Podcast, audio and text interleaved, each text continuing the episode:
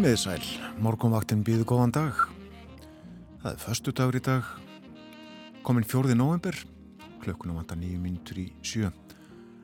Umsjónamenn þáttarins þannig morgunin Björn Þó Sigbjörnsson í hljóðstofu í Reykjavík og Gíja Holmgjemsdóttir á Akureyri. Góðan dag, Gíja. Góðan daginn, Björn. Allt í sóma hjá þér? Allt í þessu ljómandi fína sóma. gott, gott. Við lítum á veðrið, aðtöðum hvernig viðraði á landinu fyrir 50 mínútum og sumstaðar er örlítið frost en uh, víða fjórastega hiti og raunar sjöstega hiti þar sem hlýjast er. Það var einstigs frost í Reykjavík klukkan 6. Hægur vindur 2 metrar á sekundu og heiðskýrt. Sveipa veður á Kvanneri en þryggjastega hiti í Stikisholmi og þar var súld 2 metrar söðustan átt. Fimmstega hiti á Patræsfyrði fjóra gráður í Bólungavík, 8 metrar á sekundu í Bólungavík, fór í 11 í mestu kviðu, fjóra gráður líka á Holmavík en einstigsfrost á Blöndu ósi, nánast logn þar. Fjórastega hiti við Söðunisvita, 8 metrar, fjóra gráður á Akureyri, 2 metrar á sekundu þar, allskíjað, sveipað viður á Húsavík, fjóra gráður, þryggjastega hiti á Rauvarhöfn, fjóri metrar á sekundu. Þrjár gráður á Skaltingstöðum, hiti við Frostmark á Grímstöðum og fjórastega hiti á Eilstöðum, fimm metrar norðanátt og það var lítilsáttar súld á Eilstöðum klukkan 6. Ég nefndi sjö gráður áðan, sjöstega hiti á landinu þar sem hlýjast er eða var klukkan 6 og það er sem sé á höfni Hortnafyrði, sjöstega hiti þar norðan 5 metrar á sekundu. 6 gráður á kvískerjum, einstegs hiti á kirkjubæðaklustri, 6 stega hiti á Stórhauða í Vestmanægum og 4 stega hiti í Árnesi. Og á hálendinu ef við sjáum að hitin er við frostmark á Káranhjúkum, 2 stega frost á Sandbúðum og Sprengisandi, 3 stega frost á Hverjavöllum og 4 stega frost í Veiðivatnarhraunni. En horfurnar, Gíða, þú hefur kentið þær? Já, veðurhorfur á landinu er að það er norrlæg átt 3-10 metrar á sekundu, lítið sátt að rigning eða slitta á norður og austurlandi en annars að mestu létt skíjað. Það er austlæg átt við að 5-13 í dag en hversir setnipartin 13-80 metrar á sekundu siðst í kvöld. Dáltil jél norðaustan til, smá væta sunna til en annars skíjað með köplum og þurftakalla. Hiti 0 til 8 steg mildast siðst og á morgun verður austan 8 til 15 metrar á sekundu en 15 til 20 siðst. Skíjað mestu en dál til slitta eða snjókama austan til og regning við ströndina. Það mun kóluna heldur í veðri. Já, og verður bísna kvasti á morgun lögadag, alltaf 20 metrar á sekundu síðst. Höfum það í huga. En uh, Ástandið á vegum landsins er í takt við veðrið í nótt. Það er hálka víða, hálka og hálkublettir á Norðurlandi til dæmis og hálka á heiðunum á vestfjörðum og það er þungvært norður í Árnesrepp. Snjóþekja á Hólasandi, hálka á heiðum á Östurlandi. Þetta eru skeitin frá vegagerðinni, já og uh, snjóþekja í Mjóafyrði og á Öksi förum betur yfir þetta á eftir, eftir fréttinnar klukkan sjö. En uh, það er ímislegt á dagskrá morgumvaktarinnar í dag. Uh, Sótvarnaleknir verður með okkur. Það er hérna hálf átta. Við ætlum líka að tala eins um stjórnmál, stjórnmál og uh, leiðir stjórnmálamanna til þess að ná eirum almennings. Meira en það á eftir. Og matur verður einnig á dagskrá matreðsla öllu heldur, matreðslu kennsla í grunnskólum. En uh, við skulum uh, áður en fleira er sagt breið okkur í ferðalag eða í öllu falli láta okkur dreyma um ferðalag. Svo litinn uh, bíltúr hér er Vili Nelson.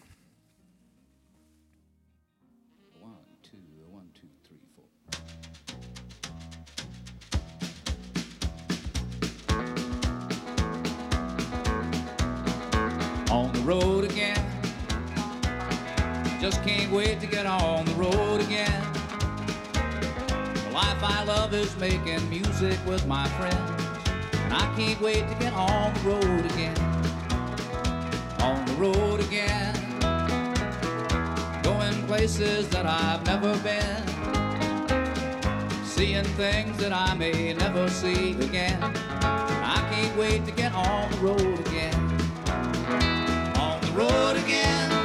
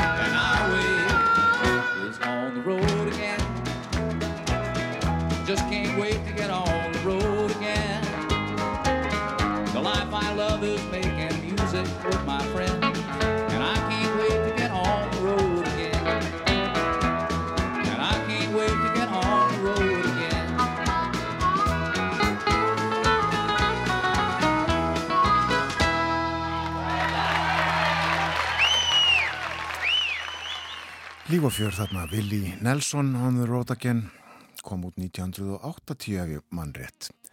Það líður að fréttunum hjá okkur kom á slæðinu sjö. Eftir þær förum við ítalega yfir dagskráð þáttarins í dag, lítum í dagblöðin, innlend og erlend. Segjum frá merkilegri konu sem fjall frá á dögunum og uh, síslum ímislegt fleira.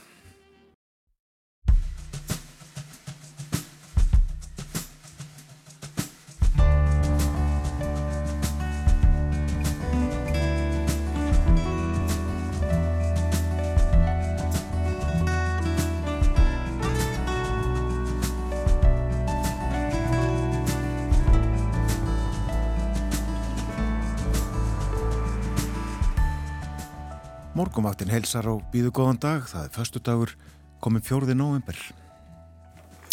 Þótt öllum takmörkunum vegna kórunaveirunar hafi verið aflétt í februar, er veiran enn á sveimi í samfélaginu og nokkrir týjir greinast með hann á degi hverjum.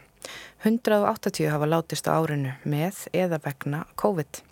Guðrún Aspelund, sótvarnalæknir, verður gestur okkar klukkan hálf átta. Gjör breyting hefur orðið á allri efnis og fjölmiðlun á fáinum árum með nýri tækni. Samfélagsmiðlar eru vinsalir, jafnvel ráðandi og vægi hefðbundina fjölmiðla í þjóðmála umræðinu hefur breyst. En hvernig hefur stjórnmálamönnum sem þurfa að ná eirum fólks gengið að fóta sig í nýju umhverfi? Er leið þeirra að almenningi greiðari eða tínist boðskapur þeirra í öllu efnisflóðinu sem að stöðut dinur á okkur? Birgir Guðmundsson, profesor, hefur velt þessu fyrir sér. Hann verður með okkur upp úr áttan. Svo er það maturinn. Matur er okkur lífsnöðsilegur. Við þurfum öll að borða til að við halda lífi og heilsu auk þess að maturinn hefur heilmikið félagslegt og menningalegt gildi. En eh, hvernig lærum við um mat og hvernig lærum við að matriðan? Það er Alda Björg Sigurðardóttir og Þóra Vikingsdóttir kenna báðar matreyslu í grunnskóla og vita því ímislegt um málið og þær koma til okkar upp úr klukkan halv nýju og segja okkur allt um matreyslukennslu. Umsjónamenn morgumvaktarinnar á Rás 1 í dag eru Gíja Holmgeistóttir og Björn Þór Sigbjörnsson.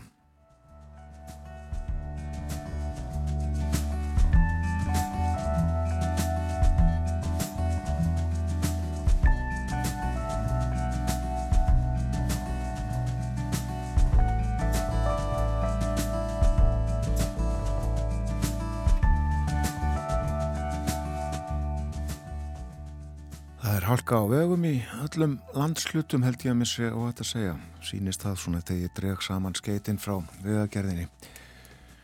Og uh, að auki þungvært norður í Árnesrepp og uh, snjóþekja er á Hólasandi, snjóþekja í Mjóafyrði og á Öksi. Og,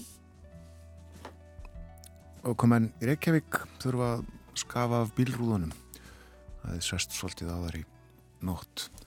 Er það þannig líka á Akureyri að það er að skafa? Já, ekki fór ekki keirandi. Þannig að ég veit nú lítið um það. En ég held nú ekki þar sem að það var nú ekki hálft hér á Akureyri í morgun þegar ég fór út. Það er uh, hins vegar þó nokkuð blöytt á. Og þú ert með veðurspána við hendina? Veðurspáin er hér og í hugleðingu viðfrængs kemur fram að það er frekar hæg norðlæg og síðar austlæg átt og lítið sáttar væta á norður og austurlandi og slitta í einsveitum en annars létt skíjað og fremur myllt í veðri.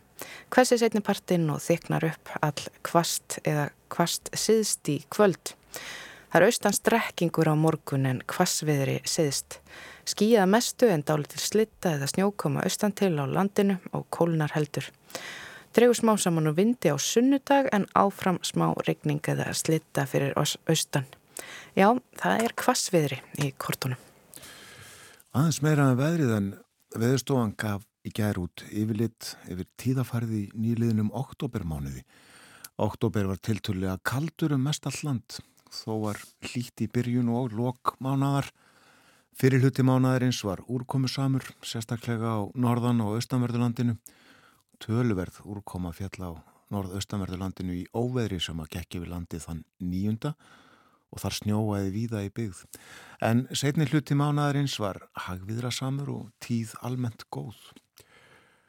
Og uh, aðeins meira á þessari skýslu yfir tíðafærið í oktober um hitan en uh, meðal hit í Reykjavík og þar er sannsagt saman dreyið tíðafærið fyrstu tíu mánuði ásins og meðalhittin í Reykjavík fyrstu tíu mánuði ásins var uh, eh, 60 og uh, það er um það byll eh, meðalag árana 1991 til 2020 og meðalhittin raðast í 20. og 7. sæti á lista 152 ára og á Akureyri var meðalhitti mánaðana 10 5,2 stygg og það er örlítið yfir meðalæginu. Og meðalhittin þar raðast í 23. til 24. sæti á lista 142 ára. En heldar úrkoman í Reykjavík á fyrstu tíu mánuðum er 37% umfram meðalag síðustu 30 ára. Og heldar úrkoma hefur aðeins tvisa sinnum mælst meiri í Reykjavík yfir þessa tíu mánuði nú. Það var 1921 og 1959 en uh, úrkoman á Akureyri örlítið uh, umfram meðal úrkomu árana 1991 til 2020 Þetta var hún nýri tíðafarskíslu ve veðurstofunar en uh, við lítum í blöðin og byrjum á Fréttablaðinu fórstíði myndin tekinn á Östuvelli í gerð þar sem að fjöldifólks kom saman með stuttum fyrirvara og mótmælti meðferðinni á hælisleitendunum sem voru sóttir hinga á þángað í fyrra kvöld og fluttir og tók keflaði ykkur flugvel og það með flugvel til Aþenu, Greiklandi. Þessari brottvísun mótmælt harðlega á Östurvelli í ger og með ýmsum öðrum hætti í allan gerdag, ekki síst á samfélagsmiðlum. Mikil reyði í samfélaginu vegna þessa. Og uh, þetta mál er rættið biskup biskupin yfir Íslandi á fórsíðu frettablasins og Agnes M. Siguradóttir segir Mér eru mikil vonbriði að ég skuli búa í svona landi þar sem einhver lög leifa að svona gjörningar fari fram að fólk sé vakið upp um miðjanótt, tekið af lauruglunni út í bíl, kyrt upp á flugull og flóið til útlanda. Ég hef talið mér trúum það að lögin í landinu séu byggð á kristnum gildum og svona aðgerðir eru ekki í þeim anda. Ég bara botna ekki í því að bjóða fólki sem að hefur verið hér í stuttan eða langan tíma og er bara að leita hér skjóls og friðar í sitt hjarta að vera tekið úr landi. Og ég vil ekki að þjóðfélagið sé byggt upp af svona hörku. Miskun og mildi eru leikilorð. Og uh, fleira sagðun í samtalið fréttablaðið sem er hér á fórsíðunni. Líka vitnaði Jón Gunnarsson dónsmálar á þeirra sem að segja að laurglann hafi verið að framfylgja skildu með handtökum. Svo er þetta tilvitnun. Ég hef ekkert meira um þetta að segja. Þessu símtalið er lokið, sagði Jón Gunnarsson við blagamann fréttablaðsins í gerð. Og fórsættirsrað þeirra Katrín Jakobsdóttir sagði í fjölmjölum að ímsum spurningum væri ósvarað vegna brottvísanana og hún hefði óskað eftir upplýsingum úr tveimur ráðunöftum. Fundur hjá ríkistjórninni í dag og Katrín saði að þetta mál er því rætt á þeim fundi. Ég var lítið erlendu blöðingi, já. Já, við erum hér með, uh, í með opinn Twitter aðgang New York Times að uh, þar kemur fram að Elon Musk muni í dag byrja að segja upp starfsfólki á samfélagsmiðlunum Twitter. Það eru þetta greinlega nokkur óvisa á þeim vektvangi þessa dagana. Svo eru kostningar á næsta leiti bandaríkjónum. Við fjöldum um, um það hér á morgunvaktinni í gær. En alrikiðslauruglan eh, bandaríska var að líka við umfóktmöklum ógnunum sem beintir gegn bænahúsum geðinga, geðinga í ríkinu Jersey. And geðinglegur áróður hefur aukist mjög að umfangi í landinu undanfarið og ekki er tilgrind hvert eðli ógnanna er nýja heldur hvað liggur á baki þeim en lauraglan hvaðst hafa trúverðu og upplýsingar undir höndum og ABC fréttastofan hefur eftir heimildamönnum innan lauraglu að það er nú ekki um sprengjuhótun að ræða en skrifstofa allríkis lauraglunar e, í borginni Newark greindi frá þessu á samfélagsmiðlum í gæra á 50 degi og það eru geðingaprestar kvatti til að vera á Varbergi og tryggja öryggi bænahúsana og alls samfélagsins samfélagsgiðinga í Jersey sem er e, eitt af fjölmennasta í bandaríkunum. E, það giðingasamfélagi telur tæplega 600.000 manns rannsóknu þegar hafinn en bandaríska giðingar hafa mátt þóla talsverða eða aukna fordóma nýverð. Hreinum árásunum á samkvönduhús þeirra hefur einnig fjölgað. Já, síðan er það ef við kíkjum hér á breskumiðlana Það er eitt orð ábyrrandi umfram öll önnur orð, recession eða kreppa. Þetta eru þessar vennjupundum fréttir. Núna frá Breitlandi, það stefnir í langa kreppu tíð, segir Englandsbanki.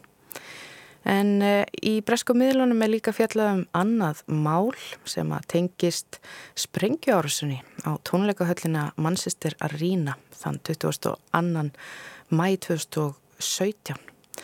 Þá var tónleikum bandarísku popstjórnunar Arjónu Grande nýlokið og ungur maður sprengti sig í loft upp í forsal tónleikahallarinnar með ræðilegum afleðingum og nú, öllum þessum árum síðar, er loks búið að rannsaka þennan atbyrð og það hefur komið í ljós að mikil káos, samskiptaleysi og ja, almenn ringul reið ríkti meðal viðbraks aðila sem koma á vettvang. Og sagt er að líklega hefðu fleiri komist af að fórnálömpum ef viðbröð og vettfangi hefðu verið með skipulaðri hætti. Og það eru aðstandundi fórnalamb árasturinnar eh, sem að hefðu mögulega lifað af sem stígan og fram í fjöðulmiðlum og gaggrína þessi óskipulöðu vinnubröð og það er ímislega fleira sem kemur fram í þessari úttekt meðal annars að lögreglan hafði ekki nægilega vittnesku um uh, já, hvernig til dæmis þessi tónleikahöll var skipulöð, hvar ingangur og útgangur voru og ímislega þannig. Og fórsetisráþarann, Rísi Súnak, hann hefur brugðist við og hann sagði mitt á Twitter að það væri ekkert sem geti lína sásöka þessara fjölskyldna sem létust í árásunni á mannsistir tónleikahöllina og hann lofar að yfirvöld muni nýta sér útæktina til þess að læra af henni. Og svo er áframhaldandi, já, Brambröld, norður kóriumanna, þeir hafa í nótt haldið uppteknum hætti við stanslösa stórskota hríð á hlutlösu hafsvæði millir kóriuríkjana tveggja. Gríðarmörg eldflögaskot þeirra undarfærið hafa vakið talsverðan ugg, engum misefnu tilurinn með lang, langdræga flög. Og stjórnveldi Suðu Kóriu og Bandaríkjunum óttast að norðu kóriumenn sé að hýta upp fyrir kjarnorku flögatilurinn sem að erði þá svo sjönda ár þeirra ranni. Já, en svo eru fleiri fréttir utan úr heimi. Það er nýlega bárust. Það er fregnir að matargaggrínandin og bloggarinn Julie Powell hafi látist á heimili sínu í New York aðeins 49 ára aldri. Julie Powell var þekktust fyrir bókina Julie and Julia sjálfsæfisaga sem byggðist á bloggfærslum sem hún skrifaði árið 2002 þegar hún var að nálgast þrítugt. Bloggfærslunar fjalluði um já, svona einhvers konar áskorun sem að Julie setti sjálfur sér sem var að elda allar 524 uppskriftirnar úr bók Julia Child frá árinu 1961 bókinni Mastering the Art of French Cooking fyrsta bindi. Og þetta gerði hún í eldhúsinu í lítilli íbúðsinni í hverfinu Queens þar sem að Julie Powell bjó með eigimanni sínum.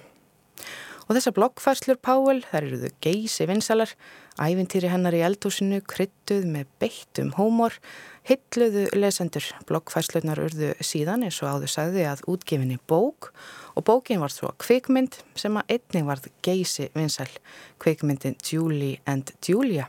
Og þar sem Meryl Streep fór eftirminnilega með hlutverk Julia Child og leikonan Amy Adams fór með hlutverk sjálfar Julie Powell, bloggaran sem starfaði sem reytari á daginn í starfi sem henni þótti heldur innihaldslaust og leiðinlegt og til að gefa lífinu örliti meiri lit, jafnvel tilgang, þá einsætti hún sér að elda sér í gegnum eina þekktustu maturæslubók bandaríkjana. I'm Julia Child. Bon appetit! Before she changed the world, Julia Child was just an American living in France. Shouldn't I find something to do? What is it that you really like to do? Eat. And we are so good I at it. am Look at you. at it. Now, I'm how growing good in are. front of you. But what does Julia Child have to do with me, lowly cubicle worker Julie Powell? So how's your job, Julie? Are you the person to speak to about my insurance form? You can speak to me. Do you have any power? No. Heartbreaking. So sad, painful. Not in a bad way. I, I don't know. Do you think I'm lost? Is this lost? If you met me, would you think that woman is lost? I would think that woman is strangely repetitive. Did you hear what happened to this one? Showtime bought my blog for a miniseries. I could write a blog. I have thoughts. Write a blog about cooking. I'm not a real cook like Julia Child. Julia Child wasn't always Julia Child. Why don't I go to cooking school? Bonjour! The Julie slash Julia Project. I cook my way through Julia Child's cookbook. 365 days, 524 recipes. I am risking my well-being for a deranged assignment. Is it crazy? Yes. Já, hér heyrðum við smá brot úr stiklu að kvikmyndinni Julie and Julia, þar sem fléttast saman frásagnir Juliana tveggja. Myndin er liklega eins og fyrsta sem byggð var á bloggskrifum, en blogg var einstaklega vinsall meðillatna á árunum í kringu 2000 og fram til þess tíma þegar að samfélagsmiðlarnir byrjuði að riðja sér til rúms og tókuloks fram úr blogginu í vinsaldum. En þar sem við ætlum að fjalla hér á morgunvaktinu um heimilisfræði og matreyslu kennslu nú í lokþáttar þá er nú ekki úr vegi að segja nánar frá kokkinum og rithöfundunum Julia Child.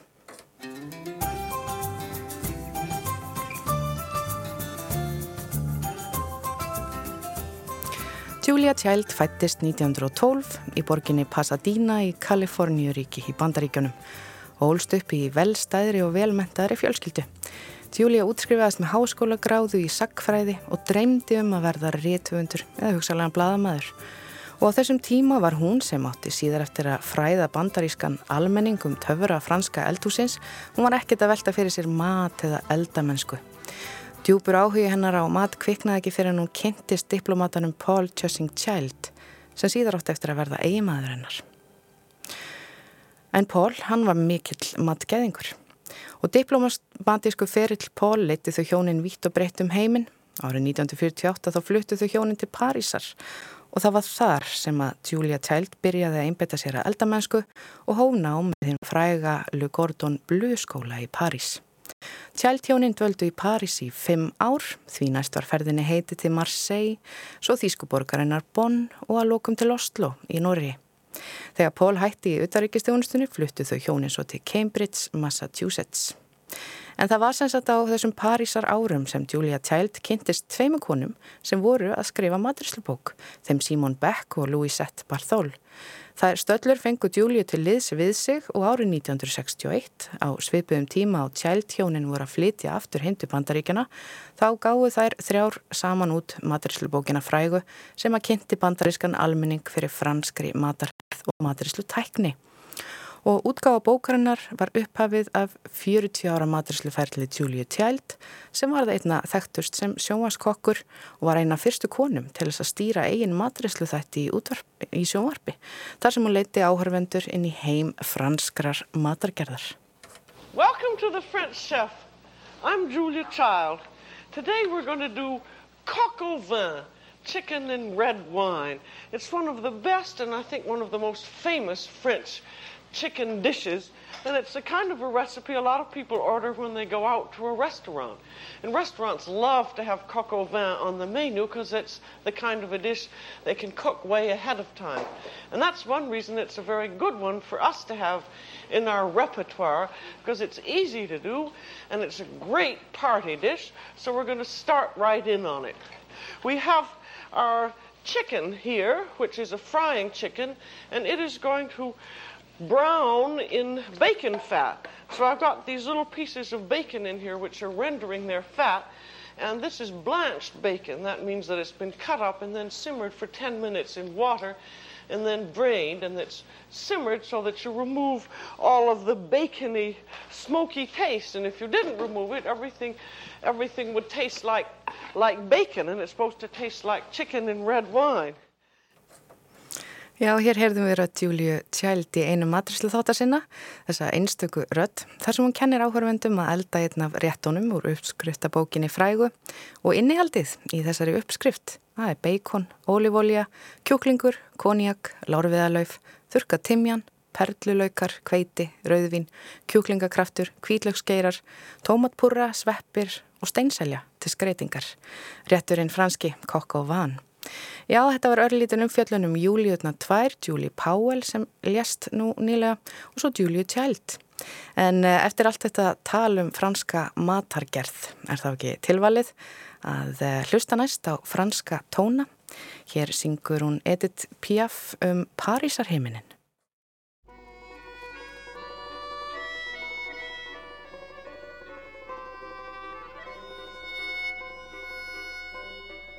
Sous le ciel de Paris s'envole une chanson. Elle est née d'aujourd'hui dans le cœur d'un garçon. Sous le ciel de Paris marchent des amoureux. Leur bonheur se construit sur un air fait pour eux sous le pont de Bercy, un philosophe assis, de musiciens, quelques badauds, puis des gens par milliers. Sous le ciel de Paris jusqu'au soir vont chanter. Hmm, l'hymne d'un peuple épris de sa vieille cité près de Notre-Dame. Parfois couvre un drame, oui mais à Paname, tout peut s'arranger. Quelques rayons du ciel d'été, l'accordéon d'un marinier, l'espoir fleurit au ciel de Paris le ciel de Paris coule un fleuve joyeux. Hmm. Il endort dans la nuit les clochards et les gueux. Hmm. Sous le ciel de Paris, les oiseaux du bon Dieu hmm. viennent du monde entier pour bavarder entre eux et le ciel de Paris a son secret pour lui. Depuis vingt siècles, il était pris de notre île Saint-Louis. Quand elle lui sourit, il met son habit bleu. Quand il pleut sur Paris, c'est qu'il est malheureux. Il est trop jaloux de ses millions d'amants, il fait gronder sur eux son tonnerre éclatant. Mais le ciel de Paris n'est pas longtemps cruel. Pour se faire pardonner, il offre un arc-en-ciel.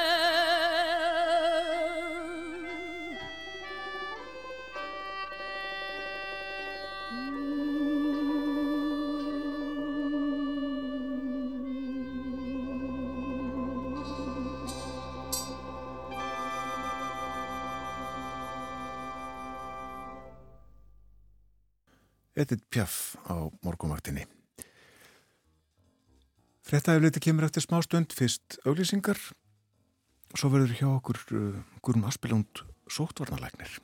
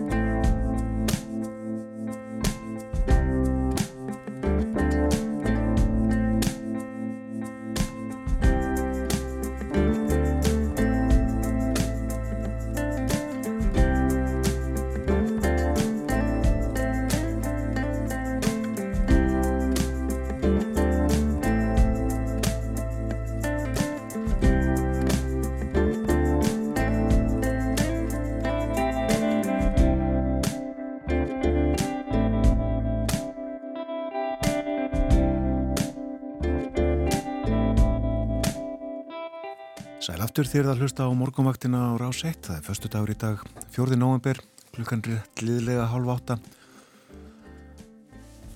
Fyrir með veðurhorfur dagsins, það verður norðalega átt í dag, vindræðin 3-10 metrar á sekundu.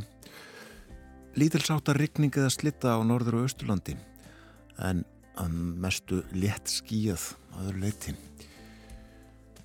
Og Áfram segir í spáni austlæg átt viða 5 til 13 en hversir setnipartin og 13 til 18 síðist í kvöld, dáli til jél norð-austan til. Smá væta sunnan til, annars skýja með köplum og þurft að kalla og hiti í dag 0 til 8 steg, það verður mildast síðist. Það er hálka viða á vegum eins og við fórum yfir þegar við skoðum skeitin frá vegagerðinni hér fyrir morgun. Nú það er ímislegt framöndan á morgunvaktinni með okkur eftir fréttir klukkan átta verður Birgir Guðmundsson, profesor við Háskólan á Akureyri. Við ætlum að tala um stjórnmál og fjölmiðlun.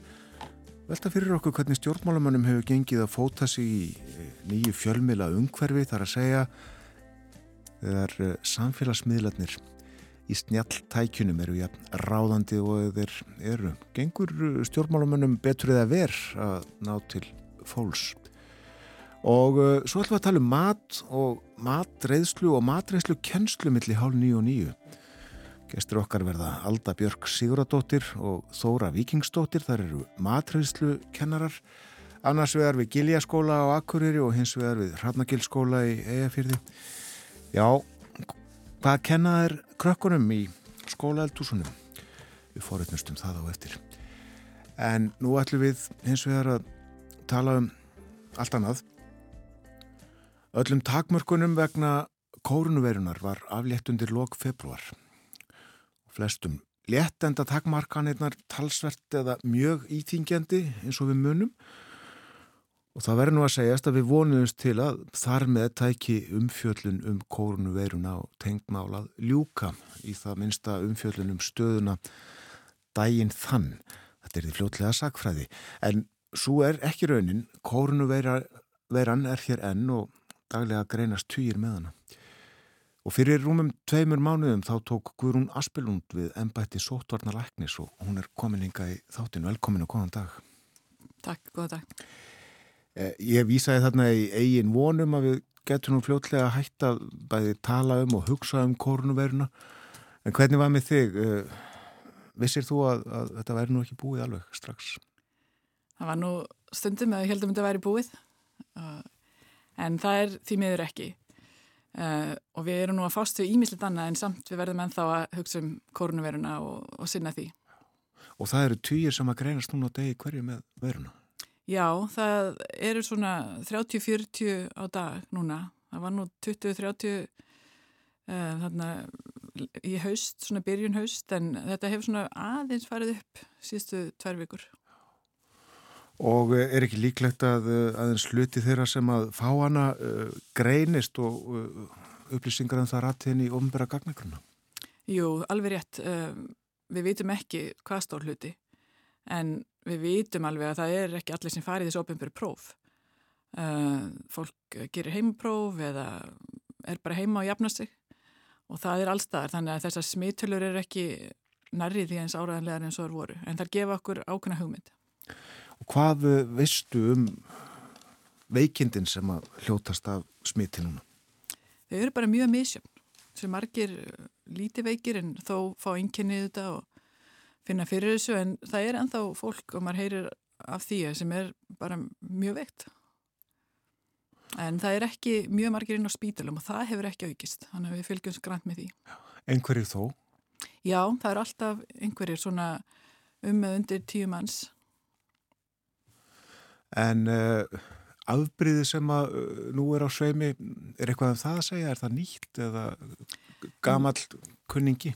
Já, það er ekki beint nýtt. Það er þetta Omikron, uh, BA5 aðalega, svolítið BA2 og svo eru undir afbríða því sem eru fjölmörg.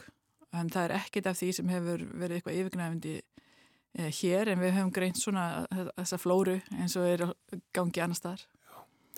Og uh, þetta eru ja, daggóðu fjöldi, 30-40 segiru, en það voru tvær bylgjur er það ekki fyrir árinu?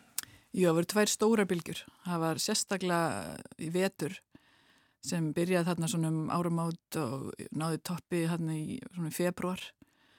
Janúar, februar, mars voru við með mikið smittum og svo kom svolítið læði í þetta en svo kom aftur aukning í sumar, uh, júni, júli. En síðan þá hefur þetta svona verið hægt og bítandi að fara niður og verið bara frekar stöðut. En hvernig er staða núna svona í samræmi við, uh, við uh, þetta allt saman tímalínuna frá upphafi? Já, þetta voru stærstu bylgjurnar sem voru 2022. Uh, en það var líka annað ástand þá, var, ná, fólk var bólusett uh, og það voru mjög mikið um væg veikindi en að því það smituðist svo margir að það voru líka margir sem vektast illa. Og 180 hafa látist á árinu með eða vegna kórnuverðinar? Já, það er rétt á þessu ári, uh, það sem aðver. Mörgum brá í brún við að heyra af því, frásagnir af því í fjölmjölum? Já, við settum reyndar út frétt í vor um þetta því við sáum þarna aukningu í, í mars uh, og svo gerist það aftur um, í júli og við fjallum um það í ágúst. Uh, það fekk kannski ekki mikla aðtekli þá en, uh, en þetta hefur svona verið umræðinu undarfærið meira. En við tókum eftir þessu og þetta var svona yfir höfuð hjá, ef við skoðum allan aldur, en það var sérstaklega hjá eldra fólki. Hvað fleira getur þú sagt okkur um, um andlátin vegna eða, eða já, tengd kórnuverðinni? Þetta hefur verið mallan heim. Það hafa verið 6,5 miljón staðfest andlát. Það er talið að þetta sé sannlega, ég vil helming fleiri. Þannig að þetta er mjög skæður sjúkdómur og það er ennþá fjölmargir 20.000 að látast. Um, hér síðustu tvo mánu uh, sem beturfer hafa verið mjög fáir. Um, það voru fimm manns samtals ágúst-september. Svo við erum ekki að sjá þetta sem við sáum í júli og mars. Um, Hinn árin voru við ekki með mikið að döðsföllum og það voru reyndar tímabil þar sem að voru svona aðeins undir meðalagi hjá eldra fólki. 2020 og 2021. Það var miklu fleiri látist 2022 heldur, heldur en fyrir árin sem að, að þetta var hér og hefur verið. Já, það er alveg rétt og það voru líka miklu fleiri smitt uh, og það var nótið þess að valda þessu. Við höfum ekki aðra sérstaklega skýringu en COVID og það voru þetta þessi COVID andlát og við sáum þá í uppfæmt aukningu bara í döðsföllum almennt þessa mánuði síðan nefndi. Já, en þið uh, gerið stóran greinamun á, á því að, að sko að, að hvort að COVID er ráðandi eða hvort að einhverjir aðri sjúkdómar hafi valdið þessu en uh, fólk verið með COVID ekki satt? Uh, það er sko miða við dánavottorð þannig að læknar meta það og um, COVID getur verið aðal orsökinn og síðan getur COVID verið meðvirkandi þáttur og þá er það sett á dánavottorð og, og þá telst að vera uh, COVID-andlátt því að það getur meðvirkandi þáttur getur verið eitthvað sem að veldur döðsfalli þá eitthvað annars orsökinn kannski nummer eitt um, en svo eru náttúrulega eðla sveplur í döðsfallum og ef við lítum heilt yfir tímabilið í COVID á Íslandi að um, þá er útkoman eitthvað sem við getum alveg verið sátt við þó að auðvitað við hefum ekki viljað um, að hafa skada að þessum sjúkdóm en hann er hættilegur og, og getur valdi alveglegum veikindum og þessum afleðingum. Já. Uh, var rétt að afnema allar takmarkanir í februar? Það var ákveðin sem var tekinn þá af stjórnvöldum.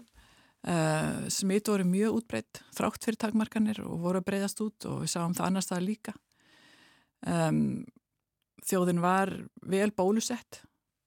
Um, það hefði þurft að hafa mjög mikla takmarkanir til að uh, spórna stegu við þessum smittum.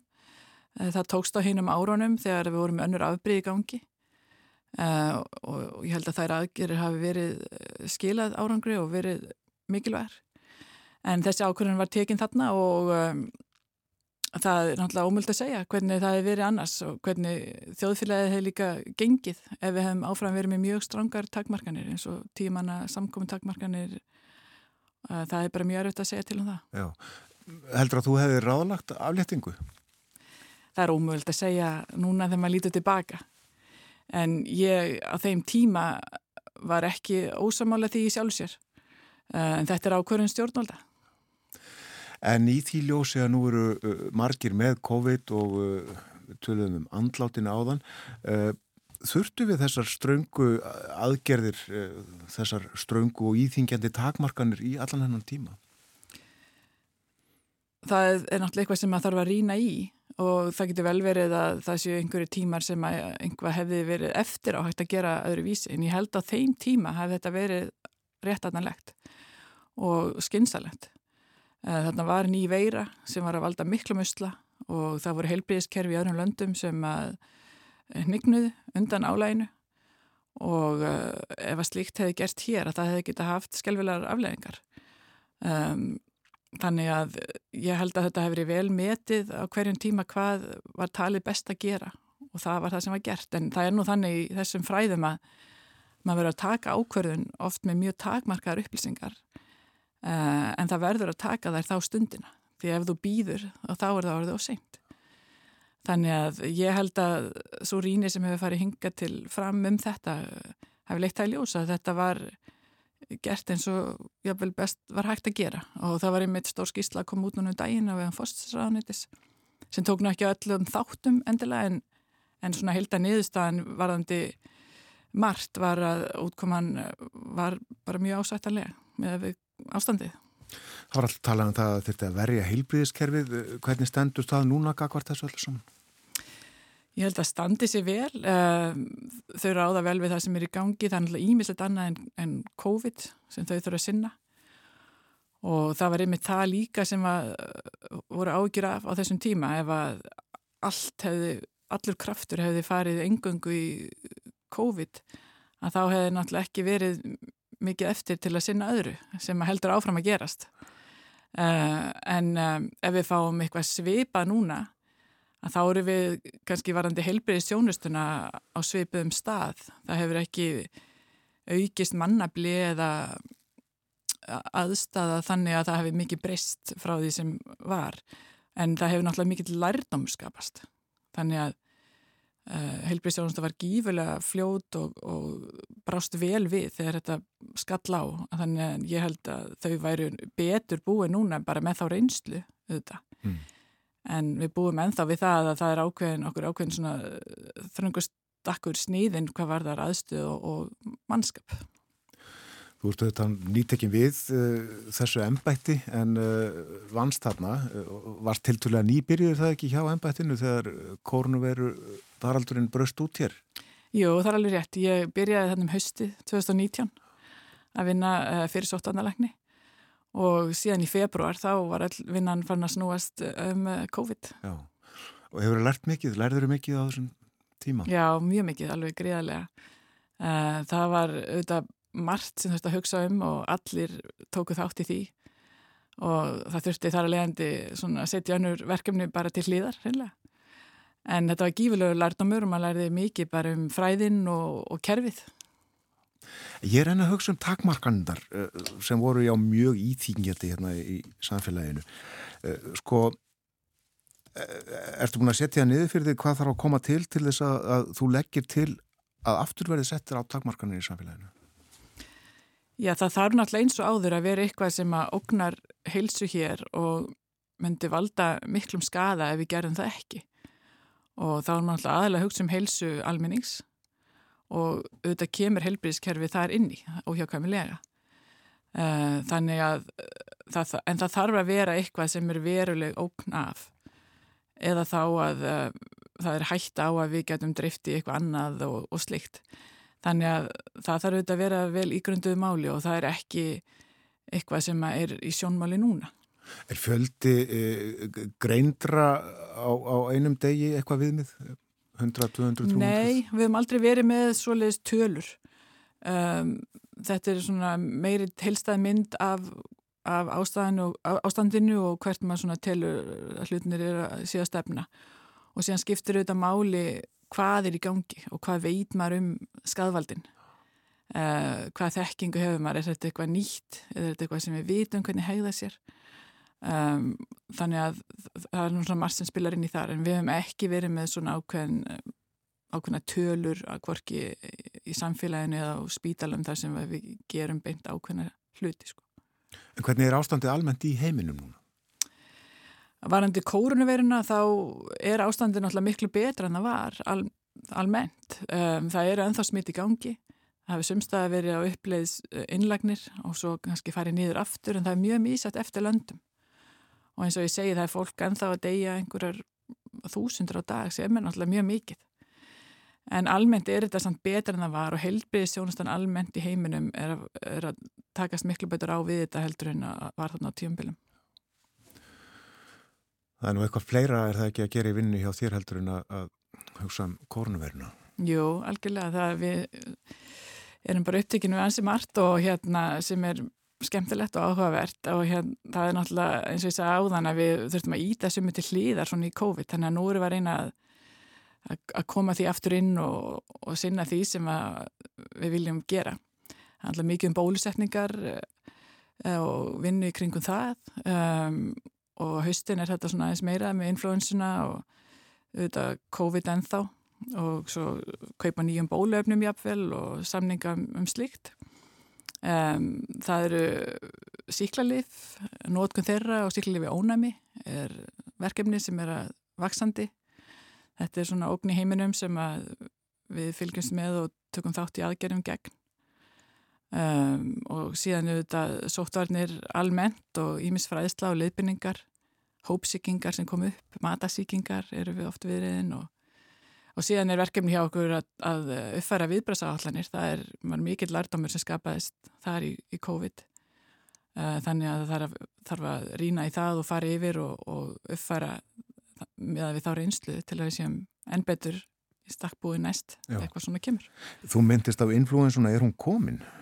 Já, hún er komin. Já. Það hafa greinst uh, þó nokkur tilfelli hér og við veitum alltaf að þau eru fleiri en, en það en, en þannig að hún er komin og uh, hún er bara komin uh, í, uh, út um all land held ég en þetta eru svona ekki þá í stíi að, að við séum komin í einhver topp en, og við hefum alveg séð þetta áður á þessum tíma En það hefur svolítið óvanlegt síðustu árin út af COVID, þannig að við svona, við erum ekki alveg viss hvernig þetta verður núna. Já. Fólk getur veikst mjög illa af influensu. Já, það getur gert það. Og við mælum með bólusetningu gegn influensu til að draga úr líkum á því. Og svo er reyndar til líf líka við influensu sem hjálpar. Dregur úr veikindum og stittir veikindin uh, sem er náttúrulega kostur sem við höfum til dæmis ekki í COVID. Er fólk dölegt að láta bólusetja sig við influensu?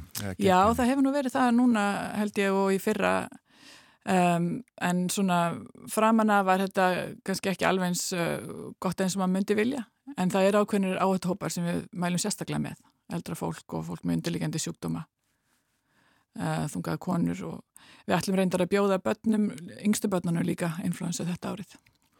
Sem er ekki venjan? Eða? Nei, sem, sem hefur ekki verið venjan hér en það er gert á sem er Norrlandunum, Breitlandi, Bandaríkjónum uh, börn geta orðið mjög veik af influensu og uh, við sáum það núna í faraldrinum sem var í Ástralíu því þeir eru á öðru tímabelti en við að það var mikið af börnum, það var ofinlega mikið af börnum þetta árið sem læðist inn og varð veikt og það er kannski af því að það var miklu minna um influensu síðastu tvö ár svo þau eru eftir vill eitthvað næmari núna.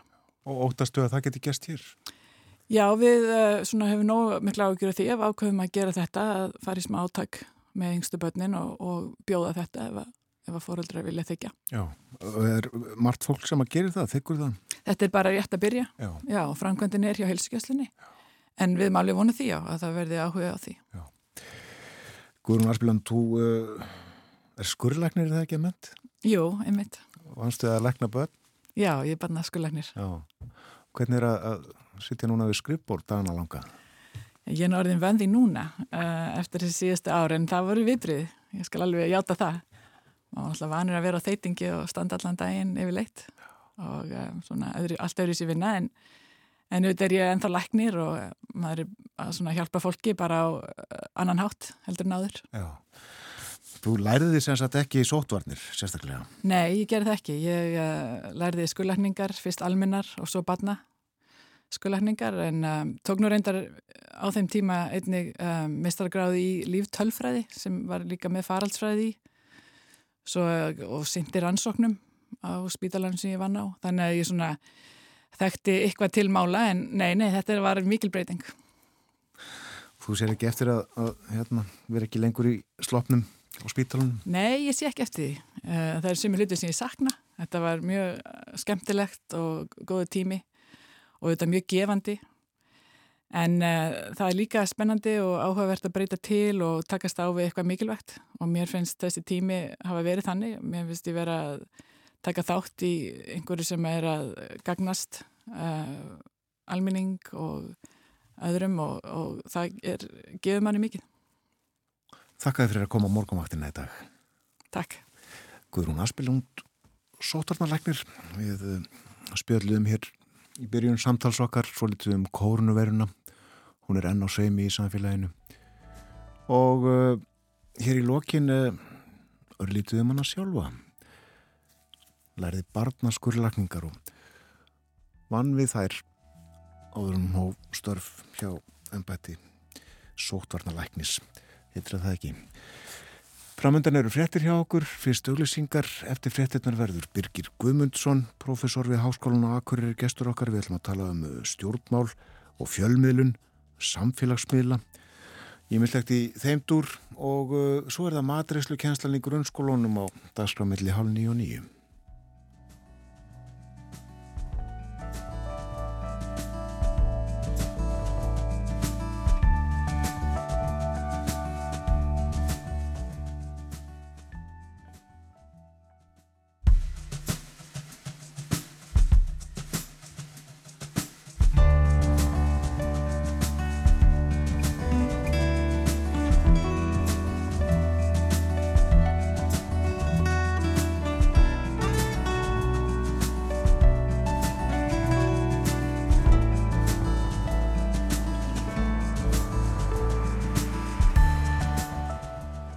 Aftur þér að hlusta á morgunvaktina á Rás 1.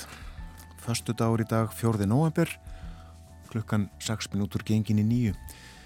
Hér áðan var Guðrún Aspilund sóttvarnarlæknir gestur þáttarins. Við töluðum um, uh, já, kórunuveruna. Hún er enna á sveimi og uh, nokkri týjir greinast smitaðir af henni á degi hverjum.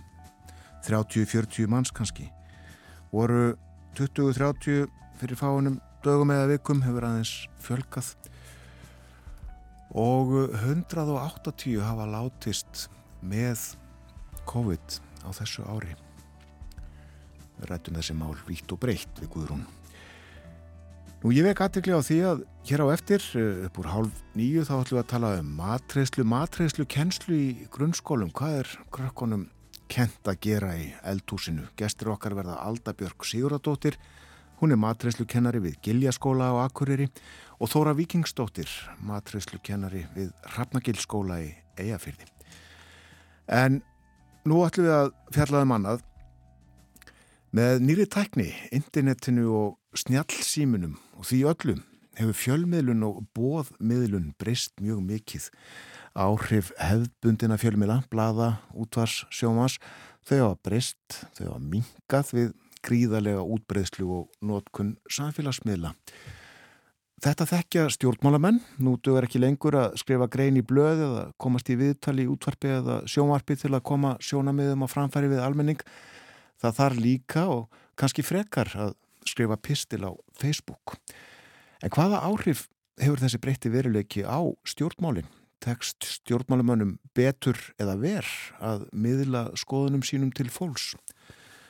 Birgir Guðmundsson, profesor við Háskólan og Akureyri hefur velt þessu fyrir sér og flutti erindi um efnið á þjóðaspeklinum í síðustu viku og yfirskrift erindis hans var nýjar áskoranir í pólitískri bóðmiðlun og Birgir var bladamadur og reittstjóri áður en hann snýri sér að kenslu og rannsóknum og skrifaði mitt mikið um stjórnmál á sínum tíma. Já, og hann Birgir, hann er sestur hérna hjá mér í hljóðstofu á Akureyri. Góðan daginn, Birgir. Góðan daginn. Já, margt hefur nú breyst á fáinum árum og það má segja að tilvera stjórnmálamannsins, hún er nú örlítið floknari en hún var, er það ekki satt? Já, það er ekki tilvera okkar allra svolítið floknari, bæði, bæði einfaldur og floknari, sko. Jú, jú, ég meina það er, það er, sko, stóra breytingin er kannski, sko, frá því að við vorum alltaf með þessa einstefnumilin og við mest af umfjöllun í, í hennu ofibura rými fór í gegnum einhvers konar ritt sko, eða ritt stýringu skulum við segja sko og sannreint, eh, það var sannreint eða stý, því stýrt sem kom fyrir okkar sjónir. Og þar með voru þeir með ákveðin völd sko þeir sem að réðu þeir, því dasgrárvaldi eða höfðu það dasgrárvald með þessum þessar samfélagsmiðla byltingu getur við kallaða eða já, svona digitaliseringu eins og þetta eru stundum nefnd að þá hefur þessu orðið ákveðið svona fluttningur á, á sko valda hlutöllum sko að, að menn hafa mist þetta dagskrárvald sem sé bæði bladamenn í raunni eða rittstjórar eða fjölmjöla fólk og svo stjórnmálamenninu, þeir eiga erfiðara með að stýra því hvað er til umfjöllunar á hverjum tíma uh -huh. og það eru sé, svona kannski óskipulaður hópar uh, fólks og almennar borgara sem að geta haft mjög mikil áhrif á umræðina sko, við þekkjum það þegar neð heimar loga og svona, mennur að vísa í þetta En þetta er náttúrulega í svona ákveðinu samspili milli hefbundu fjölmjöluna og þessara hérna, nýju milla. Þetta er svona tvær ólíkar, uh, tvö ólík miðlunar rauk sko bak við það hvað er einstöflu miðlunum, það er einnir að tala við marga og þá vandar hans jú að passa sig og svo hins vegar eru bara margir að tala saman sko í rauninu og það eru önnur rauk þar á bak við umræðina sko. En hvernig finnst þið pólitikinn hafa breyst og hefur hann breyst samhlýða þessari breyttu fjölmiðlun? Rindar held ég að það sé sko líka, menn eru auðvitað hérna, meira sko bara sem pólitikinn sjálf sko, hvernig menn, menn sem bregðast við og hvað, hvað verður hvers konar mál komast á dasgró og hvers konar mál skipta máli. E, sem, sem gamalt blamaður sko sér maður kannski til dæmi að því að við varum kynntur þannig að þá sér maður sko að það eru alls konar hérna hlutir sem áður voru tald skipta mjög miklu máli í umræðinu og í pólitískur umræði eru eiginlega bara horfin sko til dæmis bara heiskapar horfur og aflatölur og eitthvað slíkt sko sem að eru þóttu nú kannski sé, bara mjög mikilvægt að menn vissu að efnahagsmálinn gengjur svona og svona sko að þau eru svona, þetta eru svona aðeins farið til hliðar og það eru miklu meira af svona kannski siðferðis spurningum uh, hlutum sem að, að hérna snerta tilfinningar meira sem sé vekja upp tilfinningar og, og hérna, þau, það eru þau sem að verða fyrst og fremst sko að stóru málum og ég er ekki að segja að það sé eitthvað verra eða betra sko. En það eru þau hafa miklu meiri tilningu nú orði til þess að sko ná dagskráni, við, bara, við getum bara, ég menna við vorum á þann að hlusta á, á hérna frettir af þessu útlendingamálum og hvernig það verður og hvernig þetta, sko þetta voru hefðbundnu fjölmjöldnar á staðinu líka en, en mm. þetta verður fyrst og fremst dreifingin verður ekki síst í gegnum sé, samfélagsmiðla og einhver myndskeið af, af einhverju svona. Að þetta er þá eitthvað sem verður mjög hérna ráðandi á, á, á henni pólitísku dagskrá sem annars hefðu hugsanlega ekki orðið með sama hætti sko, það hefðu örgulega orðið og það, ég menna, það urðu náttúrulega sem sé áhýr áður fyrir sko svona hlutir sem kannski gengur fram á fólki. En uh, þetta er sem sé, þetta hefur aukist sko hlutfullin á milli uh, sem sé dagskrá, pólitíska dagskrá beitist og svo er auðvitað líka þetta sem að við var kannski hérna í ingagni hjá ykkur sko, kemur aðeins og ég var að tala um sko hvernig pólitíkur eru sko að missa þessi völd svolítið frá sér og hvernig þeir eiga svo að takast á við og koma sínu skilabóðum á framfæri. Það er, það er sem sé svona kannski líka svona nýtt, nýja áskorum fyrir stjórnmálinn á síðustu svona 15 árum sko. Og finnst þér eh, stjórnmálinn almennt hafa tekist að fóta sig sæmilega í þessari nýju tilveru? Kunna þeir vel á miðlama? Já, það er misjant. Já, ég held að þessi margir er að skrifa sko nokkuð flinkir en margir, margir kannski ekki sko og það sem að gerist náttúrulega kannski í þessu er að, að þeir sem að hafa þessa leikni og þessa færni til þess að spila ef við segjum svo í báðum kerfum sem sé í, í, í, í hefðbundumilunum og á, á hérna internetinu að þeir eru náttúrulega líklegir, líklegir til þess að ná á, árangri heldur en hinn sko, hinn er þá dett einhvern veginn út. Og menn hafa verið að skrifa, þetta er ekki bara náttúrulega hérna á Íslandi, menn hafa skrifað um nýja típa stjórnmálamennum sem þið kallar sko hybrid politicians sko, þessi blandaði stjórnmálamenn sem að hafa hafa þá þessa færni á báðum stöðum og þetta gerist þetta alltaf í raunni þegar við fáum einhver svona fjölmjöla byltingu eins og þetta, ég mér getur líkt þessu við kannski tilkomi sjónvarps eða útvarps eða eitthvað slíkt sko. Að þeir sem að á, á hérna sko hafa þá góða nærveru í útvarpiða sjónvarpi og svona, þeir höfðu það fengu þá og kunnu á þann miðil sko að þeir hérna sko njóta þá, eða njóta þá meira, meira fylgis og eru sko líkleri til þess að ná árangri. Meina þetta er svona gömulsag og ný. Meina Nixon og Kennedy debatti frá byrjun 7. áratöksins sko, var varst, þegar sjónvarpi er að byrja sko, það er svona oft svona dæmi um, um þetta sko. Já að, að hérna, þú veist annars vegar með sko mann sem er með sveita efri vörur og eitthvað svona og hins vegar svona geistlandi ungan og sjálfsörugan sko mann sem kemur í gegnum uh, sjónvarpir svona stert sko að, að það og með sama hætti sko ekki kannski nákvæmlega en En á sama hátt sko að þá er það hvert sá sem að er þá flinkur eða getur og ræður við þetta, uh, hann er líklegir til árangurs. Já. En svo er misjamt uh, hvernig stjórnmálamenn nota samfélagsmiðluna sem er uh, skrifa um stjórnmál, uh, segja frá skoðunum sínum og stefnumálum en aðrir bara byrta myndir af sér svona daglega lífinu. Já, ég hérna, já, þetta er, þetta er, þetta er eitt af því sem er sko, kannski ef ég hef smá formála þessu sko, að, hérna, ég, eins og það sem ég var að tala um hérna í síðustu viku sko, það er að ég er búin að vera að gera sko kannanir hvað stjórnmálamennunum sjálfum finnst sko, við erum búin að gera það núna í áratug eða rúman áratug sko fyrir kostningar alltaf. Og í fyrsta lagi að þá sko segir sko meira en helmingur sko svona allavega alveg upp í tæp 70% sko er segja en yfirleitt í flestu kostningar er um helmingur hérna stjórnmálamannuna frambjóðanda í sveitastjórnar og, og alþingiskostningum sem telur að hérna þeir séu að missa völd til svona upplýsingatækni fólks, fólk sem er sérfræðingar í því hvernig þú getur komið skilabóðanum á framfæri sko og, og það, þeir ráði kannski dagskráni meira heldur en, ekki meira heldur en að verulegu leiti sko.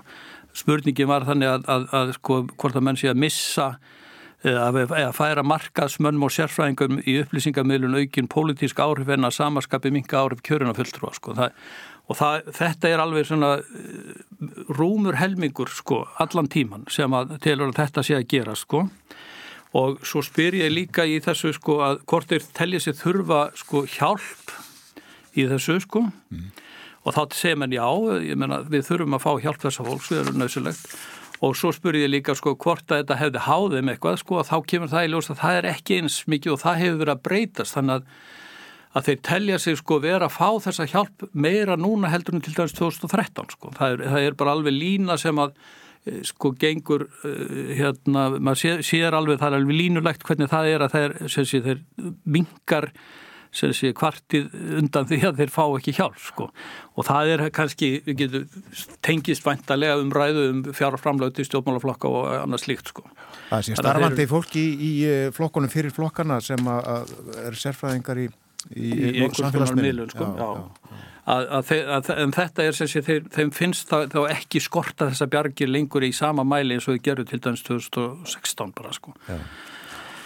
og svo er sem sé í þessu sko bara fjóruðarspurningin sko.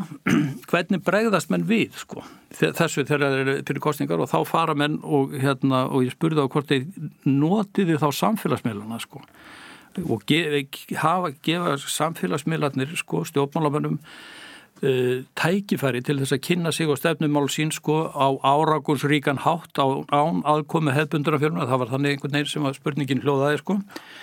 Þá kemur ljós að yfir 80% um eða yfir 80% stjórnmálamönnum í flestum kost, eða öllum kostningum frá 2016 þegar ég byrjaði að mæla þetta telja það að það sé hægt, er samfélagsmiðlarnir dugi Þannig að það er sko þessi mikla tiltrú sko þeir eru í þessu flokna umhverfi og þeir hafa fengið hjálp frá hérna og er að missa völd, völd til sérfræðingarna sko.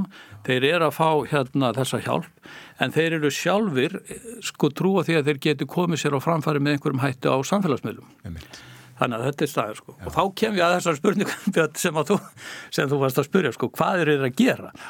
Ásað og það vilt þannig til að ég mældi þetta fyrir kostningarnar 2017 og hva, hvers konar upplýsingar eru það sem að menn er að setja á og þá mældi ég reynda bara stjórnmálafröngina og það kemur í ljós að það er sko, hérna, ég ætla nú ekki að kalla það ekki pólitík sko, að því ég gerði það nú á einhverju ástöfnu sem ég var með norrannum kollegum að tala um þetta og þeir hundskömmum við fyrir það að þetta væri náttúrulega bara pólitík þó að það væri ekki kannski málefna pólitík sko.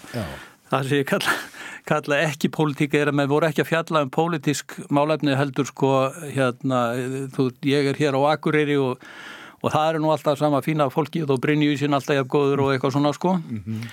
Og þetta er sem sé svona hluti af því sem að svona tilneyingu sem að hefur verið hérna mjög víða á Vesturlandum að að stjórnmálinn séu að, og teng, er teng, beintengt samfélagsmiðlunum, að stjórnmálinn séu sko að færast yfir í það sem eru svona kallaði tengslapolitík eða, eða þú að mynda persónuleg tengsl við kjósandan sko að þú, kjó, stjórnmálamæðurinn sé ekki einhvers starf svona utan og ofan við almenning, heldur er hann hluti af fólkinu með kallaði þetta affective politics sko. Og það hérna kemur í ljós þegar ég skoðaði sem sé fóringjana í öllum kjördagum hérna fyrir 2017 að skilabóðin sem að voru svona eh, hérna, ekki málefna politísk svona að segja sko, eða, eða voru að þessu tægi heldur svona hérna, um, um bara daginn og veginn getur við sagt að þar voru fæslunar og ég sko, að skoða Facebook bara vegna þess að það var þá stærst sjálfsagt var eða aðri millar stærri núna akkurat en það var um 86% af öllum fæslum sem stjórnmálafóningja settu voru þessa eðli sko, það var bara svona hérna, ég er hér með ykkur sko og, og sjá og svona jákvægt eitthvað sko, ekki, ekki um pólitíkina, það voru sem sé það sem var sko um pólitíkflokksins voru 11% af því sem, þeim fæslum sem hérna stjórnmálamenninni sett inn sko. Þannig að við sjáum alveg sko, og maður getur alveg ímynda sér hvað að þetta er það sem skiptir máli og á samfélagsmiðlum er kannski ekki endilega sko, það er bara, er rökin bak við samfélagsmiðluna eru að fólk er bara að spjalla saman sko, það er ekki einhver tilkynningar sko. Hugmyndina, það eru jafningjar að tala saman um það hvað mér finnst, hvaða skoðum ég hef hvaða, hvernig þetta virkar á mig og það eru þá svona tilfinningabundið kannski svolítið sko viðbröðin og það sem að kemur og, og verður svona það sem að kalla væral eða útbreytt á hérna samfélagsmiðlum er eitthvað sem höfðar meira til tilfinningana eða siðferðiskendar eða eitthvað slíkt sko. Og það er líklegt til þess að verða hérna væral sko. 86% töfum þess að tölu yfir aftur 86% voru úr daglega lífinu. Já, eitthvað sem, sem að ég flokkaði sem Já. ekki pólitík eða, eða ekki málefna pólitík og 3% sko að því voru hérna þannig að mín persónulega pólitík sko að því að það er líka annar element sem að samfélagsmiðlarnir sko hérna íta undir, það er að íta undir persónupólitík sko. Aldeilis. Að, að hérna að það eru sem sé bara 3% sko sem eru, eru hérna um, mín persónulega pólitíska skoðun á einhverju málefni og svo 11% var flokkurinn sko. Þetta skiptist nokkur neginn þannig sko. En það er sem sé líka aðtilsvægt að í þessu er rosalegu kynjamunur. Nú? að það eru sko kallarnir eru miklu líkleri til þess að, að vera hérna stala um pólitík flokksins eða pólitík sína pólitík en konurnar þær eru hérna miklu miklu miklu líklegri til þess að, að vera að tala um svona, svona daginn og veginn sko. Og hérna það eru sko ég veit ekki hvort að tekur ég að vera eitthvað að mala einhverja svona prósentu tölur í útvarp sko en það er alveg yfir 70% hvenna sem að eru sko að að tala sem sé um daginn og veginn á meðan það eru sko hérna 29% eða 30%, 30 sko kalla sko. Já, við þurfum að reyna að greina ástæður þessa munar einhvern tíðan setna. Uh, mér langar að hér í lokin byrgir að spyrja þig stórar spurningar. Þessi þróun, þessi breytingöld sem hefur orðið, er hún góð eða slæm fyrir líðræðið? Já, stort er spurt sko. Ég myndi nú halda að þetta væri svona ástæði til þess að allavega að, að hérna sko hugsa sem gang sko, hvaða er, hvaða er það sem skiptir máli fyrir líðræði sko, eru það hérna svona hugmyndir sem að byggja á einhverjum svona tilfinningum og, og já, einhverjum svona já, og, og eða hugmyndum bara og skoðunum hérna sem að eru kannski ekki, ekki tengjast ekki beint málefnum, finna auðvitað er þetta, þetta er það sem fólki vil sko ég meina, fólk hefur áhuga á þessu. Þannig að, að, að því leiti til er sko, færðu miklu meiri þáttöku og fólk er svona engaged eins og maður segja, taka þátt og, og skipta sér að og hafa einhverja skoðun. Þó hún sé kannski ekki byggð á, á, á svona umræðu eða þekkingu eða staðreindum eitthvað slikt sko. en ég held eins og að sko, það sé svona ástæði til þess að hafa aðeins ágjur að þessu. Já að hvernig þessi þróun er sko að þetta verður þá sem sé yfirbors meira og eins og þessis pólitíkur sem ég var að spyrja sko þeir hafa áhugjur eða ég reikna með að þeir hafi áhugjur af því að þeir séu að missa talsast af sínum völdum sko eða pólitísleiri pólitísku dagskrá sem þeir hafa geta stjórna kannski og hvaða máli þeir setja á, á oddin yfir í það að það er sem sé svona markasvæðing á þessu og hvað gengur, hvað gengur og hvað gengur ekki og þetta er, þetta er auðvitað bara ekki dórsvip á því sko hvaða umræði við vorum með hérna þegar við ríkisúttarpið var, við vorum að losa einangur ríkisvaldins á ríkisúttarpinu eða úttarpinu, að þá var náttúrulega sko alltaf talað um að það þyrti að þetta væri það sterkur miðill og hérna það þyrti aðeins að hafa í huga hvernig það væri sko ekki að elda sípiljuna út í það óvandarlega sko. Að hérna sko þannig að það er svona jákvætt og neikvætt í þessu þetta sko Við komumst ekki lengra en það má uh, segja svo við drögum þetta saman að þetta sé að færa svona frá innihaldinu og yfir í, í umbúðunar. Umbúðunar, já, svolítið. Svolítið, þakkaði fyrir í dag Birgir. Takk. Fórum hér uh, rætt yfir uh, þessar aðtúanir Birgis Guðmundssonar á þeim breytingu sem orðið hafa á stjórnmálunum með samfélagsmiðlunum. Framöndan er fréttaðiflit hjá okkur og eftir það þá ætlum við að gæja stofan í potta og pönnur hjá grunnskólanemum í matreðslu.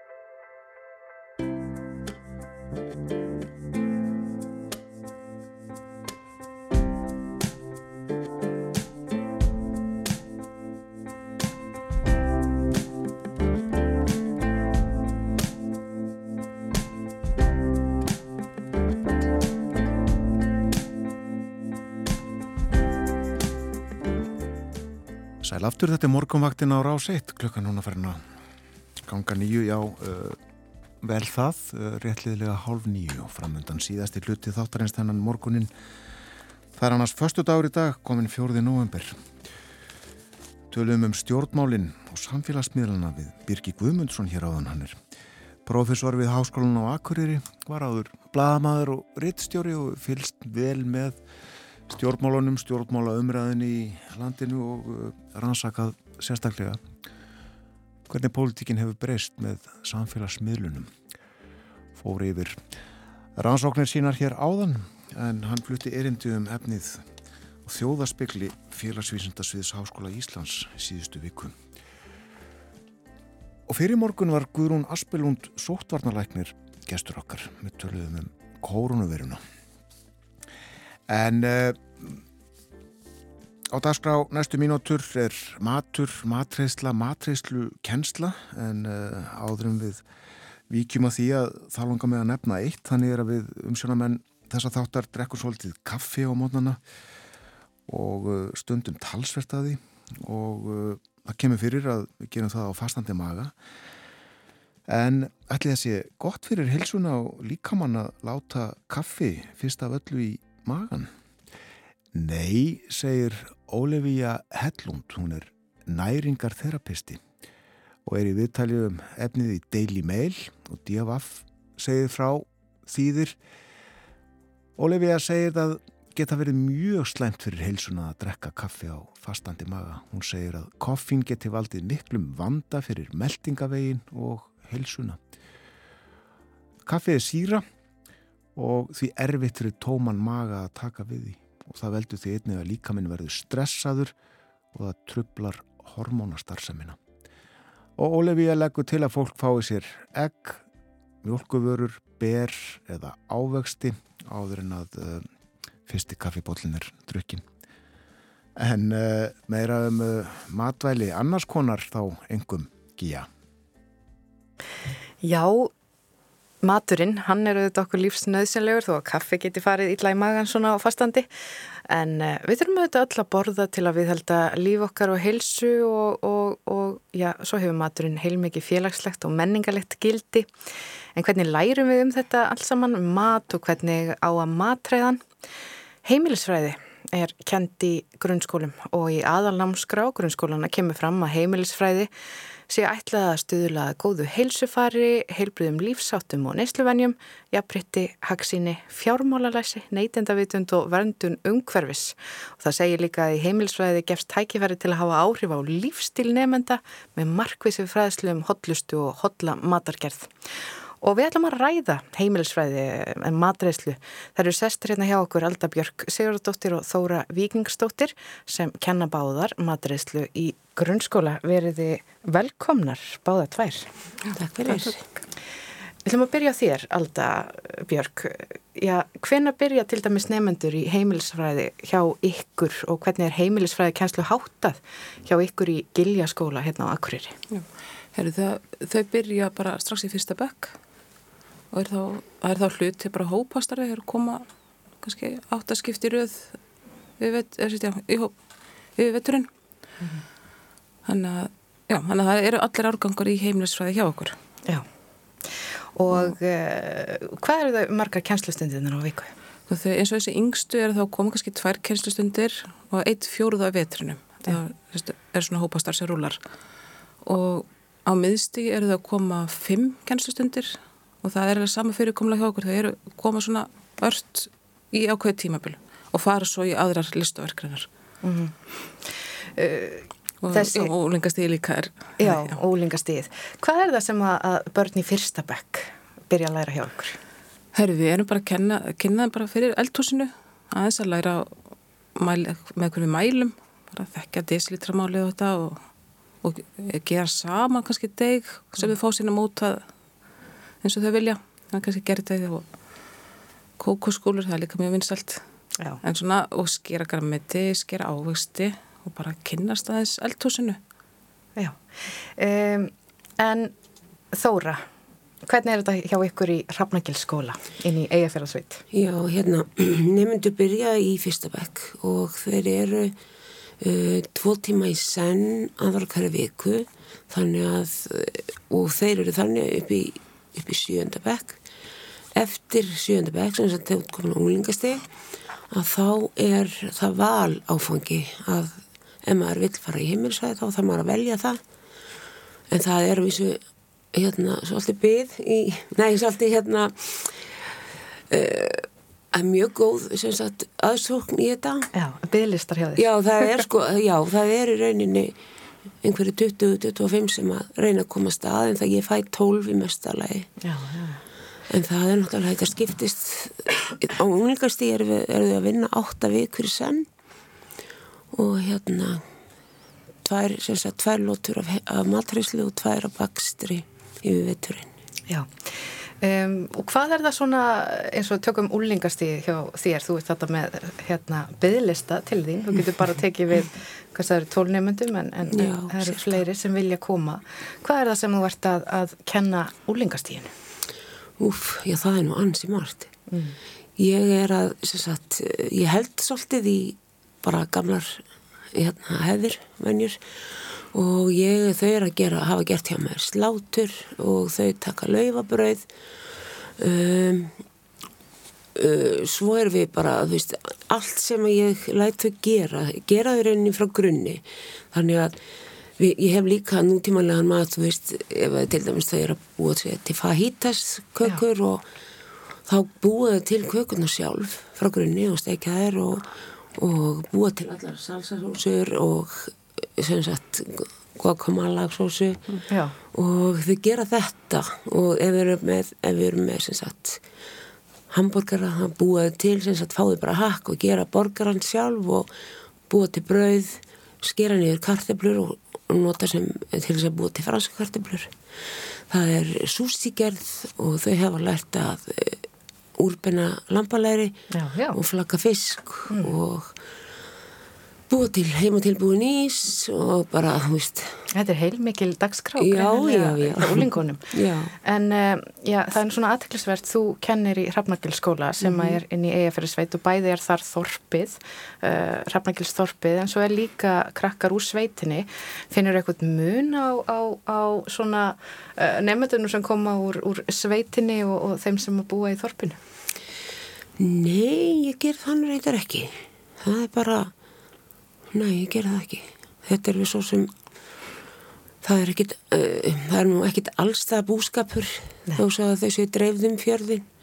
En það er, eru, sko, það, er, það sem ég hef kynst af nefndum hér úr bænum, en nú hef ég bara, ég hérna, fór, fór beint í æfingakensli í Ramleikskóla og fekk svo starf þar um hausti eftir ég útskrifaðist og hef ekkert farið síðan. Þannig að ég er búin að vera allan alla tíman þar en ég finn svona, mér finnst svona öðruvísi einhvern veginn stemning hérna sem ég hef séð af nefndum hér í bænum. Mér finnst svona meiri, þetta er náttúrulega færri börn og það verður svona öðruvísi andrumsloft. Já. Hvað segir þú, Alda, um þetta? Er öðru sér andrúsloft í, í, í kennslunni hjá þér heldur en uh, það sem Þóra lýsir? Já, nú ætla hef ég ekki samanbyrð, ég er búin að kenna gilja skóla síðan ég útskrifaðist, Já. búin að kenna þar í 15 ár. Já, já. Þannig að ég veit það ekki, við erum kannski verið að segja bara, missunum kannski að melli árganga, bara hvernig stemmingin er í hverjum árgangi. Já. Það er, já, þannig að, já, lítið samanbyrð. En hvað er það sem að þú svona, já, leggur áherslu á að kenna eins og úlíkastíginu hjá þér? Það er nú svona þeir sem er að kannski að fara svolítið út í að elda sem er að sjálf og svona sjálfstæðara, sjálfstæð, sjálfstæðir einstaklingar. Já, herri, ég er bara reynda að vera með svolítið skipti svona kannski svo bakstur og elda Mm. og hjá mér er ekki val, heldur koma allir í heimilisfræði, koma kemur sérst eitt fjóruði eða eitt þriði árganginum í já, svona 8 til 9 eða 10 vikur og já, þannig að þau já, læra svona sér bara helstu grunn aðferðir í bakstri og svona einfald eldamennsku, bara fylgja leiðbyningum í uppskriftum ég er nú ekki farið út í svona að taka lambalæri Ekki að vera úrbeina með þeim? Og... Nei, en svona reynda að fara í kannski að taka eitt svona Mexikost og Mhm. og svona, já, reyna að hafa þetta bara pínu fjölbreytt Já. Hvað er svona vinsælast uh, hjá nefndunum að, að læra og, og matriða? Sko ef þau fengir á það, þá myndu þau flest vilja baka sætabröð. Já, það er svona skiljanlegt kannski.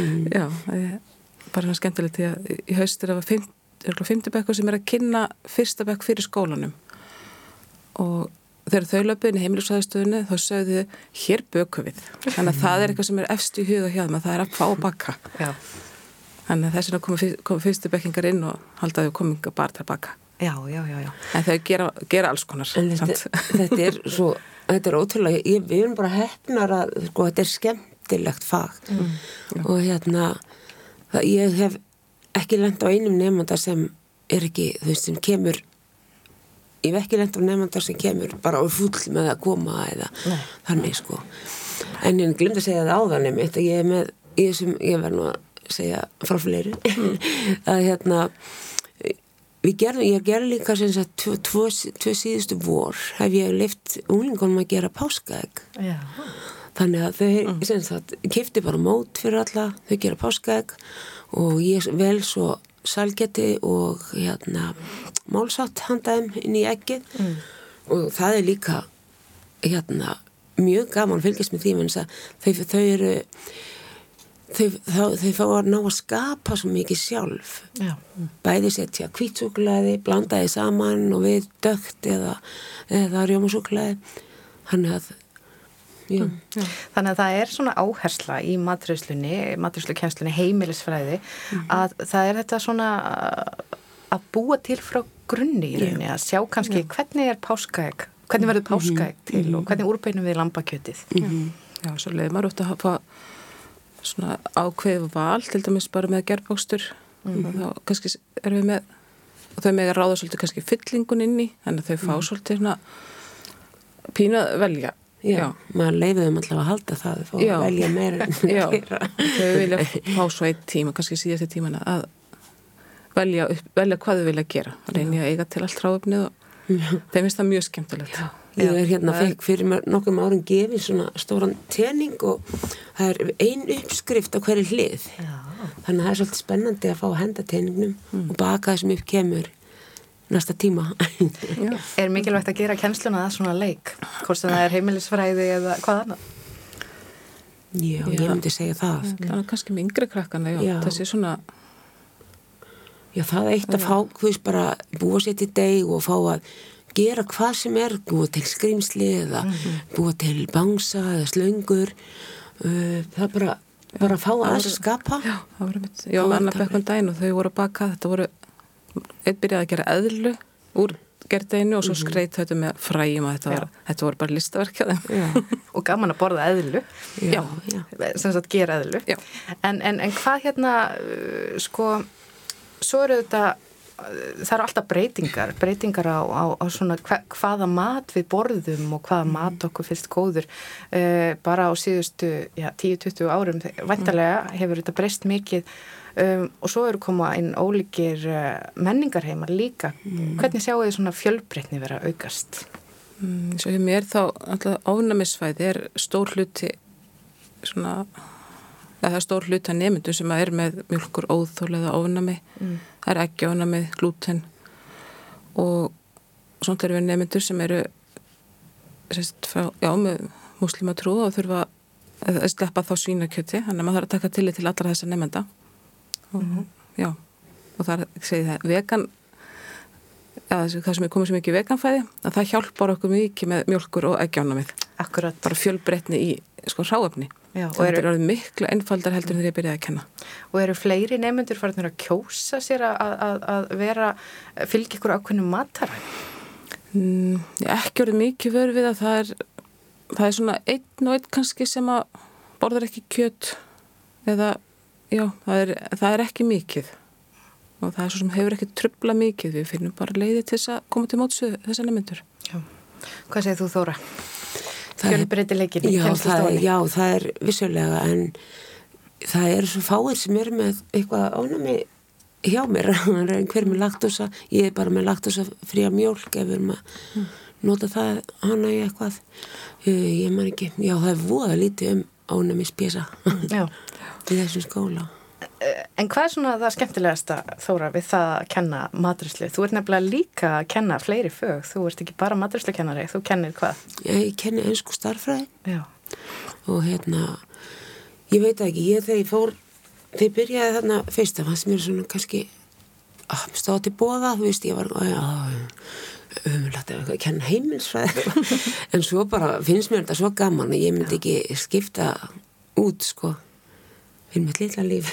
Mér finnst þetta svo gaman og, og það er bara svo gefandi hvað allir eru gladir með tíman og svo er eitt annað það er, þú veist bara maður bara gerir svona notalegt umhverju kringu sig. Og hérna þannig að ég heyri oft bara krakka, það er svo góð lykt hérna þegar maður kemur yngað og, og þá er ég kannski búin að vera með kveitt á sem en, en það er sama, þau, þau líður vel. Mér finnst umhverju líka skipta máli Já. sem við erum inn í Hvað segir þú, Alda? Hvað er það skemmtilegast að við að, að kenna matrislu? Já, það er kannski svo þóra að segja bara, krakkarnir koma bara glöð þeir finnst svo, já, bara svo þessi litli þegar þau fara heim með eitthvað í póka þau er bara svo stolt að því já. og já, og ég held bara að það sé nöðsvöld líka fyrir að fá að gera eitthvað svona með höndunum svona til móts við mm. bóknámið og, og þeim finnst það skemmtilegt þeim finnst bara gaman að fá að gera eitthvað. Mm. og þau hafa misjum tækifæri auðvitað heima til þess að fá að hjálpa til henni. Það er ótrúlega Þau finnst svo gaman bara að fá að búa til eitthvað. Já, Það er ótrúlega sko krakkarnir spyrja oft í byrjun tíma þessi yngstu, mm. með ég taka mig heim? Að, að það er svo það er mjög svona ríkt í þeim að vilja taka með sér heim og lefa fjölskyldunum smaka Já, það er bara ánað með þetta Þannig að það eru stoltir nefndir hjá ykkur í Hrafnagils og Giljaskóla. En nú er veturinn komin er eitthvað svona matur sem að já, þér eru að elda meira með krökkunum núna, eitthvað svona sem er betri en annar á þessum ástíma Þannig að þetta er nýtt grammiti Þannig eins og okkur að því að við erum með þetta svona í lótum þá erum við alltaf að fá nýja hópa sem við erum þá að gera sömu verkefni og að hausti og svo, svo aftur alltaf, já, nú er að byrja nýjir hópar við erum að gera sömu verkefni þannig að maður getur svona kannski ekki alveg verið með þetta ástíðabundi en þetta finnir maður alltaf að fá nýtt grammiti haustin það er mm -hmm. Mm. Svona, Svo eru já. kannski kásur og ímislegt svona eitthvað í potréttir, er, mm, er, er það ennþá inni? Já, já, það er alveg Þú vantarlega þegar það er búið úrbenna lampakjöti, það þarf að gera úr því. Já, þá hefur við gert því ímislegt Sett í gúlas og ég er svo líka verið með svona, þau hefur notað þess að kjötið til þess að gera fondu mm. og hérna það sem allir, hver er matriður runnist ekki bara í potti mm. á borðinu. Og já, ég veit ekki, það er, það er hann, mjög stað nú eitt voða gaman þegar við vorum að taka slátur í fyrra. að þá náttúrulega var ég með nál og, og slátugatn og letið sauma. Fyrir vampinu, það er allt gerfi vampir endar en ég letið sauma fyrir og svo þegar við vorum búin að sauma tvo þrjá keppi sjálf þá náðir ég nú í heftara til þess að leifa um að allar bara þess að kynna saumaskapi fyrir já, já. saumaskapurinn á vömbunum. Ég man nú sjálf eftir að hafa notað nagla uh, já, ok já, minn, minn já það já. er ímyndst mörg triks í bókinni. Mörg triks í bókinni, kannski eftir landslutum uh, þeir eru að fara bara að kenna núna eftir þegar þeir fara í hérðan já, já Hvað hva, uh, ber dagurinn í skauti sér hjá þér alltaf? Herðu, þau eru að fara bara að baka sítrónuköku eða gulrætuköku, þau með að velja mm.